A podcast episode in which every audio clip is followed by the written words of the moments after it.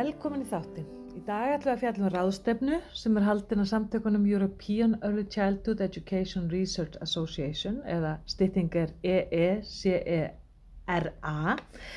Þetta er stæðsta ráðstefna uh, innan mentunafræði ungra barna og er talin eins og mikilvægast í Evrópu. Á þetta árið verður ráðstefna haldin í Þessalóningu í Greiklandi og við erum að fara þangað. Við erum er að fara ekki? Íslendingar sem koma að leikskólamálum hafa verið mjög duglegar að sækja þessar ráðstefnu bara frá upphafi. Og þessum þætti ætlum við að ræða við tengilið samtakana eh, hér á landi sem er Kristín Karlsdóttir og Jóhanna Einarsdóttir sem að situr í stjórn samtakana og hún er líka, uh, kemur að undirbúningi hérna í ár. Og við munum líka tala við nokkur aðala sem að munum kynna rannsóknum síðan á ráðstefnunni og sem starfa við mentavistasvið Háskóla Íslands.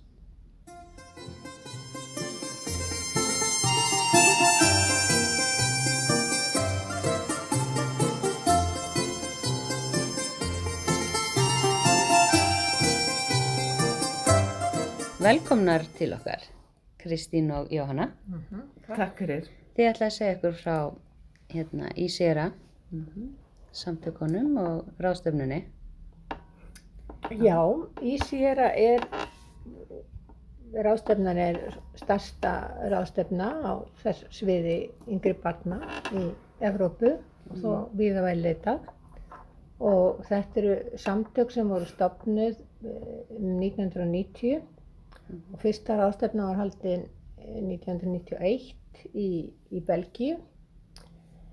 Og hef, svo hefur ráðstefnan verið haldin árlega síðan var hér haldin á Íslandi 2006 og uh, fyrstu ráðstöfninu voru um 100 manns. Svo þegar hún var haldin hér á landi þá hafði aldrei, hafði aldrei eins margir komið og það voru millir 600 og 700 manns sem voru þá. Og en nú er þetta um svona svona losar um 1000 manns sem sækir þessa ráðstöfnu árlega. Sem sagt bæði rannsakendur og, og fólk sem er í stefnumótun og svo fólk á vettvangi. Nú, þegar þessi, þessi samtöku eru stopnuð þarna um 1990 þá eru, þá eru raunverulega sko, þá er svona ákveðin, ákveðin svona verið ákveðin þróun í gangi í, í þessu fægi því að áður voru eiginlega bara rannsóknir á sviði mentunarfræði ungra barna voru bara sálfræði rannsóknir að miklu leiti og, og, og félagsfræði rannsóknir. En þannig að það er þarna var svona knýjand þörf fyrir að stopna samtök þar sem að væri, fókusin væri á mentunarfræði ungra barna. Þannig að Þessi samtök eru raunverulega svona svar við því. Og síðan tveimur árum setna þá er, er hérna tímaritið, þá er tímaritið komið á fót og, og því hefur vaksið fiskurinn hrygg og er nú orðið eitt allra öflugasta tímaritt í fæinu í heiminum í dag. Það er með hérna skráði þessa þekktu gagnagrunna sem að hérna skipta máli fyrir gæði tímarita. Þannig að þetta var, er svona, já þetta eru mjög merkileg samtök að mínu mati. Já, og það sem kannski er svolítið áhugavert, það er þetta sem að Jóhanna nefndi með að, að hérna, hugmyndagrunnurinn er, var þarna breytast. Það var að verða til eh, hópur af fólki sem að sumir hafa nefnt sko, tengt við eitthvað sem heitir félagsfræði barnæsku eða eitthvað svo leiðis, sem er þá, þá eru grundvallar hugmyndir það er að börn læri eh, í félagslegu samhengi og þau læri með því að vera með öðrum og í samskiptum aðra, bæði börn og fullorna og svo þessi, þessi áhersla á, á að börn bæði geti og eigi að fá að hafa áhrif í eigin námi. Og þá er náttúrulega tengt barnasáttmála saminuðu þjóðana og, og það. Þannig að þessi svona grundvallar viðþorf þau eru mjög sterk inn, inni þarna. Það þýðir að það passar að mínum að þetta tölvört vel við ímislegt sem hefur verið lagt upp með hér á Íslandi varðandi leikskóla eins og til dæmis okkar aðalnámskrá og, og fleira. Þannig að hugmyndafræðin er svo sama eða svona, hún passar vel. Um, já, og það sem, sko, ég fór, ég fór í fyrsta skipti þarna fyrir 20 árum með Jóhannu. Jóhanna fór sem sagt, var búin að vera í eitthvað tíma. Og þegar ég kom í fyrsta skipti þá var ég búin að vera að reyna að prófa að fara alls, á allskyns rástefnur og allt í hennu fann ég bara ég var heima þarna, ég átti heima í þessari rástefnu og hluti af því er að, að þarna koma sko fræðimenn sem hafa verið að rannsaka á þessu sviði með, með svona ákveðin hugmyndagrunn sem ég get allavega tengt við uh -huh. og líka það kemur mikið af leikskólakennurum frá öllum löndum fólk sem er að vinna með börnunum og svo koma pólitíkusar eða fólk sem er að vinna í, í pólitíkinni að gera stefnumótunna og slíkt. Þannig að þetta verður svo fjölbreyttur hópur og fólk allir eru að tala saman um þetta. Þannig að það er svo mikilvægt. En það er eitt, sko, ég er nú búin að vera núna í nokkur ár það sem er kallað country coordinator eða tengiliður. Mm -hmm. Það þýðir að ég á í raun og veru svolítið að halda utanum hérna Íslendingar sem fara á þessa ráðstöfnu og hefur verið að reyna að fá fólk til þess að gerast meðlimir í ISRA og það hefur svona stundum gengið mér uh, vel og, og hérna en mér langar bara að segja að það er mikill kostur að vera meðlimur. Mm og uh, Jóna nefndi þetta áhugaverða tímaritt sem að bara það kemur sexinum á ári hefti mm. og það kemur heim til þeim bara á pappir, bara eins og maður sé komin aftur í gamla tíman og hérna sexunum á ári færð þú fyrir þetta að vera meðlimur mm. þessi tímaritt og svo færðu afslátt á rástefnugjaldi þegar þú ferða því að þannig að en það er ekki bara það heldur er það þannig að þetta er svolítið hugsað þannig að það, þetta eigi að geta orðið einhvers konar fórum til samstarfs þannig að við getum haft áhrif, þannig að við all getum haft áhrif saman á, á þá þætti sem okkurst mikilvægir í mentun ungra barna. Og þar alveg eru þarna eins og í flestum ráðstöfnum eru svona SIG-hópar eða Special Interest hópar. Ég er til dæmis í hóp sem er tiltöla nýlega stofnaður og er um sko leikin og, og hvernig, hvernig við getum farið að hugsa á annan hátt um leik þróa svona þá hugsun sem við höfum byggt á hinga til. Og, og hérna þar tengist maður fólki sem er að fást þetta sama á maður og það er svo áhugavert. Og ef að maður er meðlimur þá getur maður verið meðlimur í svona SIG-grúp í svona sagt, áhuga hóp. Mm. og þá tengist maður þessu fólki og, og getur sko haft áhrif á mótun þessa hóps innan samtakana.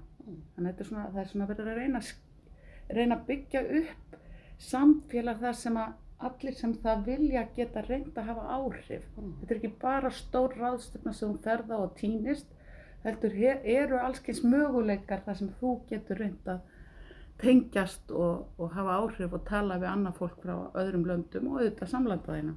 Mm. Mm. Og svo hefur meðlimur hafa kostningar rétt eftir einhver ári, það ekki eins og fyrir stjórnar? Já, þau hefur búin að vera meðlimur í tvö ár, var það ekki? Ég er búin að glemja það. Það var ekki hvort að tvö eða þrjú, já. já. Það getur kosið í stjórnina. Já.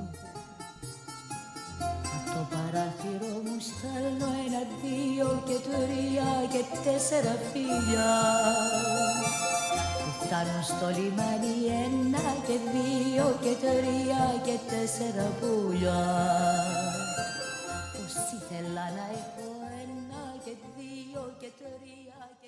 Ég er búin að vera þarna í stjórn síðan 2012. Það er á, á þryggjara fresti, þá er kosin, eða semst maður gefur kost á sér til þryggja ára og síðan getur maður óskað eftir endurkjöri og ég er sérst búin að vera síðan 2012 og svona fyrir, fyrir utan bara svona almenna eh, stefnumótun í samtökunum þá hefur mitt hlutverk í, í stjórninni verið að halda utan um þessa SIG-hópa sem, að- sem að Kristi nefndi, það er þessar Special Interest Groups sem að gegna rosalega miklu hlutverki Mm. innan samtakana. Það eru sem sagt, þessir SIG-hópar eru margvíslegir, það eru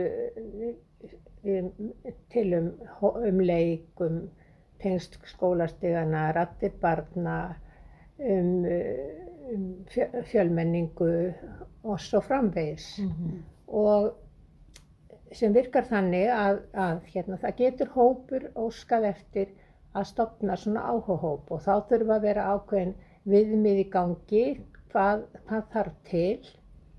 Nú síðan, síðan hérna, síðan það er,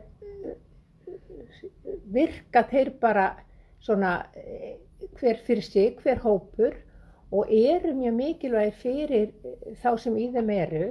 Bæði ert þú að, að hérna, þú tengist þá fólki sem hefur sama áhugasvið og þú, fólki mm allstaðar á heiminum, mestur Európarindar og þarna fær fólk sko fréttir, það fær, fær sagt, upplýsingar um hvað er að gerast, hvað er rannsóknir í gangi, er ykkur áhugavert prójekt hér og þar, eru þeir eru búið að taka þátt í að, að vera með í ykkur umsókn um, um, um styrk hinga og þanga, þú eru búið að vera að skrifa bókakabla og sem sagt, þú ert komin í ykkur samfélag fólk sem að er að gera sam, sömu hluti og þú hefur áhuga á. Mhm. Þannig að þetta hefur hérna e, verið svona mitt hlutverk að halda svolítið utan um þessa hópa og við hefum svona verið að reyna að styrkja þá sko með því að hérna að fólk þurfa að vera meðlimir til þess að vera í þessum hópum. Þú getur þetta mætt á fundi sko en til að geta kallast hérna hluta þessum hóp þá þarftu að vera meðlimur. Þannig að þetta er svona ákveð svona commitment sem að þú hérna þú ert, ert með, þú ert í meðlimur í þessum hópum. Mhm. Þannig að, að það er, nú svo hef ég auðvitað verið í hérna, í ráðstöfnu nefndum gegnum árin, ég var auðvitað hérna, stýrði þessar ráðstöfnu þegar hún var hér á landi, en síðan er ég búin að vera nokkru sinnum í, í ráðstöfnu nefndinu og er það, núna þessu sinni á ráðstöfnunni í Þessalónikju. Og það er nú, felst nú mest í því að, að hérna fara yfir abstraktana Mhm.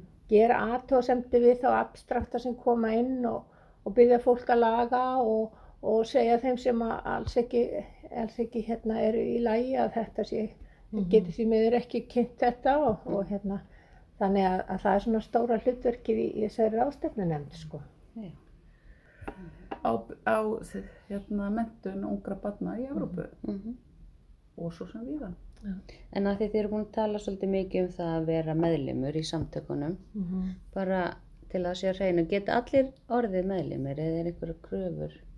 Geta allir. Allir. Já, Það geta allir orðið meðlimir, það Já. er bara, Þú þarfst ekki að vera uh, lektor við háskóla til þess að verða með, meðlumar. Þú getur nei, nei, nei, nei. Og, og það er mikið af fólki sem að, uh, er bara þannig, lítur Mhm. á þetta sem sitt, þú sért uh, þú ert að vinna í, á gólfi eða sem deildastjóri eða Mhm. sem leikskólakennari eða, eða já, að þá, þá lítur á þetta svona sem þinn vettvang til að hitta fólk sem er að pæla í sam, því sama og þú Mhm.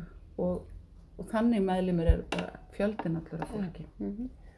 Og kannski af því að ráðstefnan er orðin svona stór, þá er sko svo margt í bóði og, og fyrir fólk sem að sko, nú hafa Íslendingar gegnum tíðina mætt á þessa ráðstefnu í mann, 50 manns þetta í fyrra og svona, það er mjög svona miður mannfjölda hefur verið svona fjölmenn.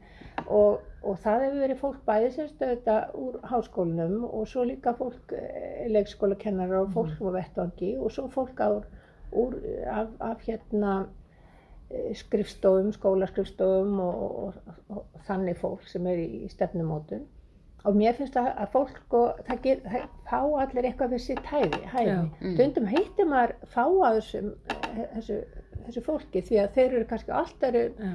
öðrum hérna fyrirlesturum heldur ég sem, að, Þess fólk er að sækja fyrirlestur á sína áhuga sviði og, og fær svona við sitt tæfi finnst mér. Já. Bara kannski þið segja okkur aðeins frá, þið verður báðið með kynningar eða ekki Jú, á ráðstöfninni? jú, ég, hérna, ég verð með kynningu á hérna, verkefni sem ég er að vinna núna. Það er um, um hérna, fókusin er á, á börn með annan eh, bakgrunn í leikskólum. Já, og þetta verkefni, eða semst þessi kynningu er á, á sjónamiðu barna e, á því að vera þáttakandi í leikskólastarfi og að tilheyra í leikskólanum og svo og líka sjónamiðum leikskólakennarana. já. Mhm. Já. Kristín, þú ætlar að kynna líka. Já, ég er með kynningu sem að er í raun og veru um, um hérna áhrifamátt barna sem að ég er fann að þýða agency, children's agency sem áhrifamátt, það Mhm. er nú til aðrar þýðingar. Mér fannst það allt í hennu bara væri miklu langt gegnsæðast af því sem mér hefur dótt í hug. Mhm. Þannig að sko, ég er að, sko, ég er að reyna að taka út og segja frá á hvern hátt börn í tveim mjög ólíkum leikskólum koma að því að hafa áhrif Já.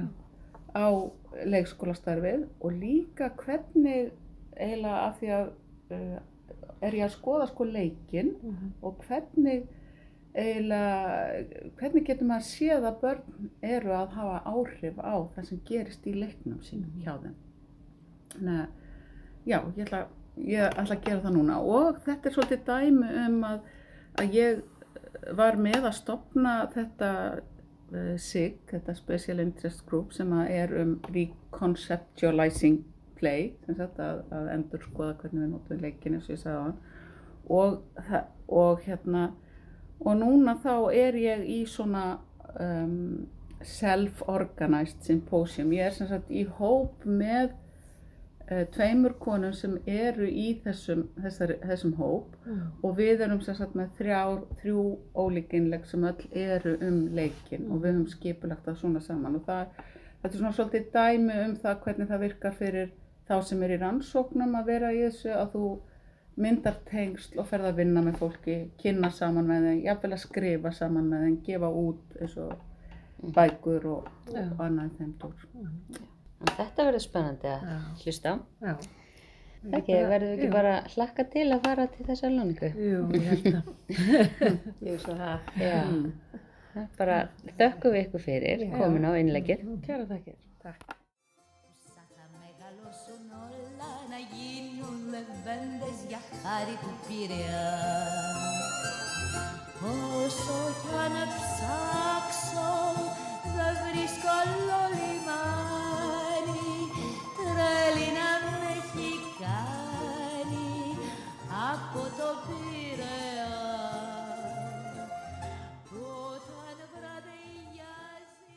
Sælblessuð, velkomin í límonutréð. Ertu til í að kynna þig og segja okkur frá hvað þú ert að hérna, gera út í Gríklandi? Já, ég heiti Hrönn Pálmadóttir og er eh, dósent við mentavístarsvið, deild eh, kennslu og mentunar fræði Mm -hmm. og er að fara enn einu sinni á ráðstefnu uh, sem að fjallar um, um rannsóknir á leikskólasviðinu alls, aðalega. Og ég er búin að fara á þessa ráðstefni í mörg, mörg ár. Og núna er ég að fara að kynna svona fyrstu niðurstöður á, á starfendarannsókn sem að ég og, og samstarfskona mín, Ingi Björg Ósk Sigurðardóttir, nýraðun lektor við, við sumu deild og ég starfa við og við höfum einni talsveit mikið saman á undanförnum árum að við semst erum að gera starfendaransókn með þremur leikskólum á, á, í, og þessi leikskólar eru á Stórreikjavíkusvæðinu og svona kveikjan að rannsókninni var svo að þessi aukning ungra barna inn í leikskólanum. Þetta er, er ákveðin áskorun fyrir leikskólana að þróa starfið og, og svona svolítið opna leikskólan fyrir þessum hópi barna. Þannig að við erum búin að vinna að mjög áhugavert að, og mikilvægt fyrir okkur háskólakennara að vera í beinu samstarfi við, við skólana. Þannig fáum við insýn í hvað er að gerast og við getum svona búið til deilt þekkingu og reynslu. Og við erum sem sagt að fara að kynna þessa fyrstu, þetta er tveggja, að minnstakosti tveggja, við reiknum með svona þryggjara verkefni. Og þetta eru sex deildir í þessum þremur leikskólum sem við erum að vinna með og við höfum, og sem sagt það eru fyrstu niðurstöður, við höfum verið með fundi, tekið viðtöl, gert aðtuganir, fólk er að skrifa dagbækur og, og svona ígrundastarfi sitt. Við höfum verið með fræðslu þarna inni þar sem við erum að fjalla um nýjustu rannsóknir og svona það sem er að gerast í þessum málum í, í löndunum í kringum okkur. Og hér líka. Ég hef hérna, mína rannsóknir hafa svona setni árum hafa beinst að þessu, þessu skólastigi, þessum yngstu börnum. Og þessi hópur barna er, þetta er, það, það hafa aðrar þarfir, það er svona önnur rið, annar rithmi í þeirra lífi gríðarlega mikil breytt og mikið sem gerist á þessum árum. Frá, já þau eru að koma kannski jafnvel sumstæðar þarna frá nýju, tíu mánuða og svo upp í þryggjara, þetta er gríðarlega breytt og, og svona þetta er áskorun, hvernig eigum við að gera þetta inn í skóla sem að kannski hefðbundin er hérna mótaður af annars konar uh, öðrum aldurshópi. Eins þessi nánd foreldra, foreldra við hérna í samskiptum við foreldra, það er líka einn áskorunin. Uh, þannig að það er svona, það er mjög margt sem við höfum farið í gegnum á þessu ári og bara gríðarlega hérna, mikilvægt. En við sjáum líka að það eru svona ákveðni sprotar farnir að myndast þarna út í skólanum. Að það er, fólk er farið að, að hugsa býtu hvernig getum við breytt? Það semst, og það kannski miðar svona doldið að þessu með að hvernig getum við hlusta betur og sjónar með yngstu barnana. Þau hafa, jú, það, sama rétt á hennu börna að, að á þau sé hlusta og að þau geti haft eitthvað um lífsitt að segja inn í leikskólanum og, og það, það er svona virkilega farið að, hafa farið að skoða starfið svolítið með þessum glerugum. Þannig að það er, það er margt að gerast á sama tíma. Þessar starfindaransóknir hafa verið að viðja sér æg meira til rúms núna síðustu árum og hafa gefist vel, þarna verð opnast samtal á milli háskóla og svo leikskólans eða grunnskólans. Þannig að þetta, þetta eru svona, já, mínu mati allavega góðar rannsóknir sem að eiga að íta undir og þróa og það er miða að því að þróa starfið. Að verði til ný þekking sem að leiðir svo inn í, í framtíðina. Já Og í raun og veru er, er þetta eitthvað sem þurfti stöðut að vera í gangi. Já. Já, svona í grundandi stað.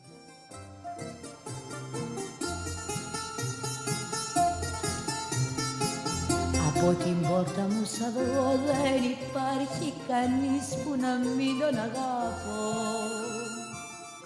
Ég heiti Sara Margrét Ólafsdóttir og er leikskólakennari í grunninn en lauk doktorsprófi í mentunafræði yngri barna núna í februar og er nýraðin lektor hérna við mentavistasvið. Mhm. Og hef alveg langa starfsröstu úr leikskólum og hérna og er svona að fikra mig áfram í kennslinni hér.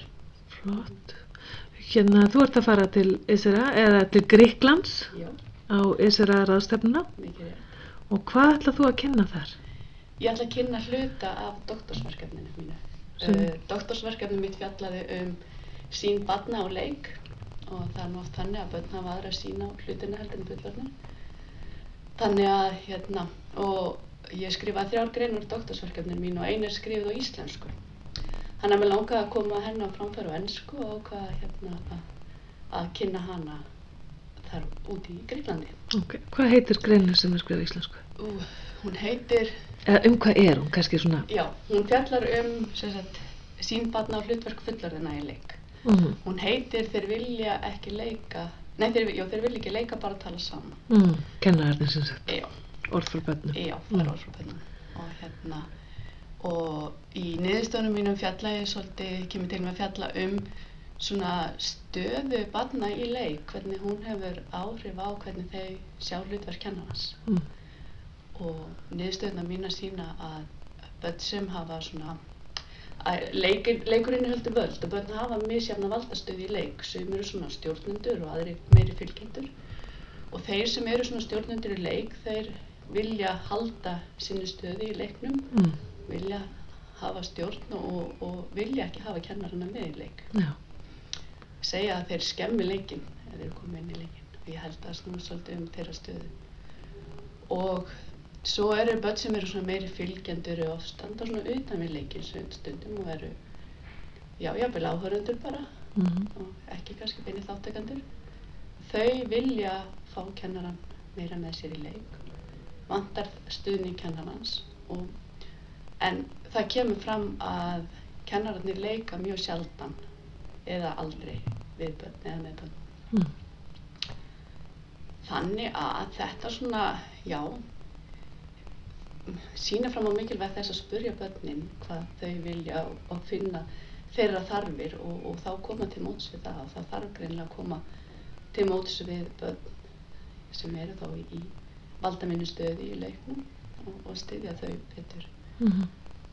Þannig að hérna, já það er svona kannski megin niðurstöðunar í þess, þessu, þessu sem ég ætla að segja frá. Ok. Og það má kannski taka fram að þegar við tölum um leik, það er, hefur hann hefur náttúrulega verið skilgerindur, mjög vítt og breytt út frá ólíkum kenningum og, og sjónumöðum. En börnin þegar þau útskýrðu hvað leikur er, þá voru þau svolítið sammála um að það væri þessi hlutverka þykjusturleikur. Mm. Þannig að það að setja og teikna eða byggja er ekki leikur. Nei. Að byggja úr kubum getur orðið leikur þegar ímyndunarheimurinn er búinn að bætast og Mm. Mm.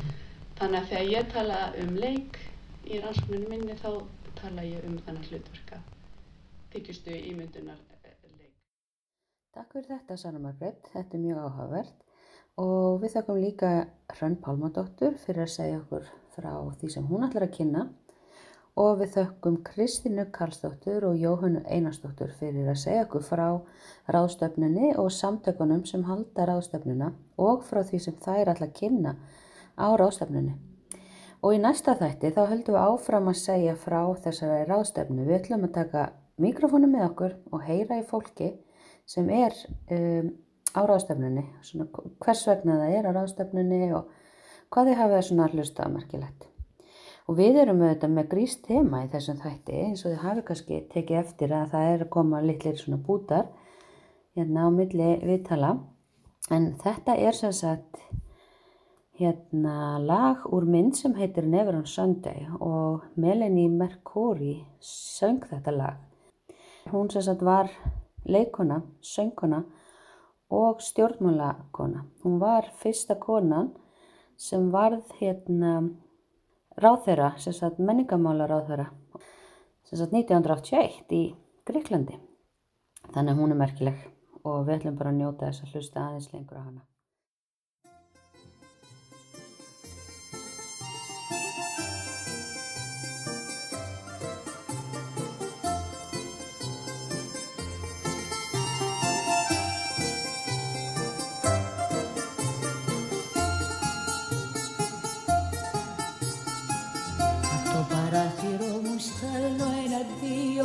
Δύο και τρία και τέσσερα φίλια.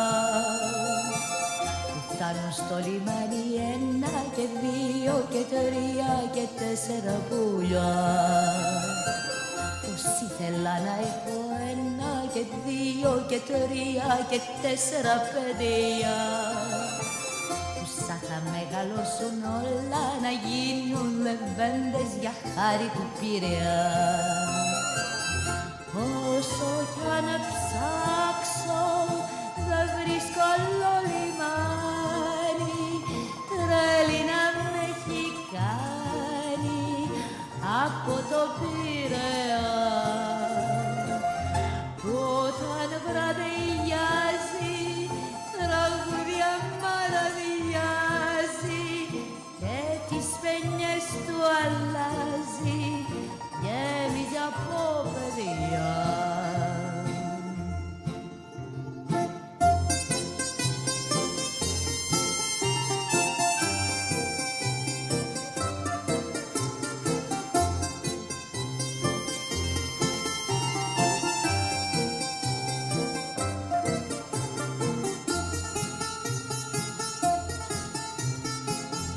Από την πόρτα μου σαν δροδέρι υπάρχει κανείς που να μην τον αγαπώ. Και σαν το βράδυ κοιμηθώ ξέρω πως, ξέρω πως, πως θα τον ονειρευτώ. Πετράδια βάζω στο λαιμό και μια χά και μια χά και μια χάντρα φυλαχτώ γιατί τα βράδια καρτερώ στο λιμάνι σαν βγω κάποιον άγνωστο να βρω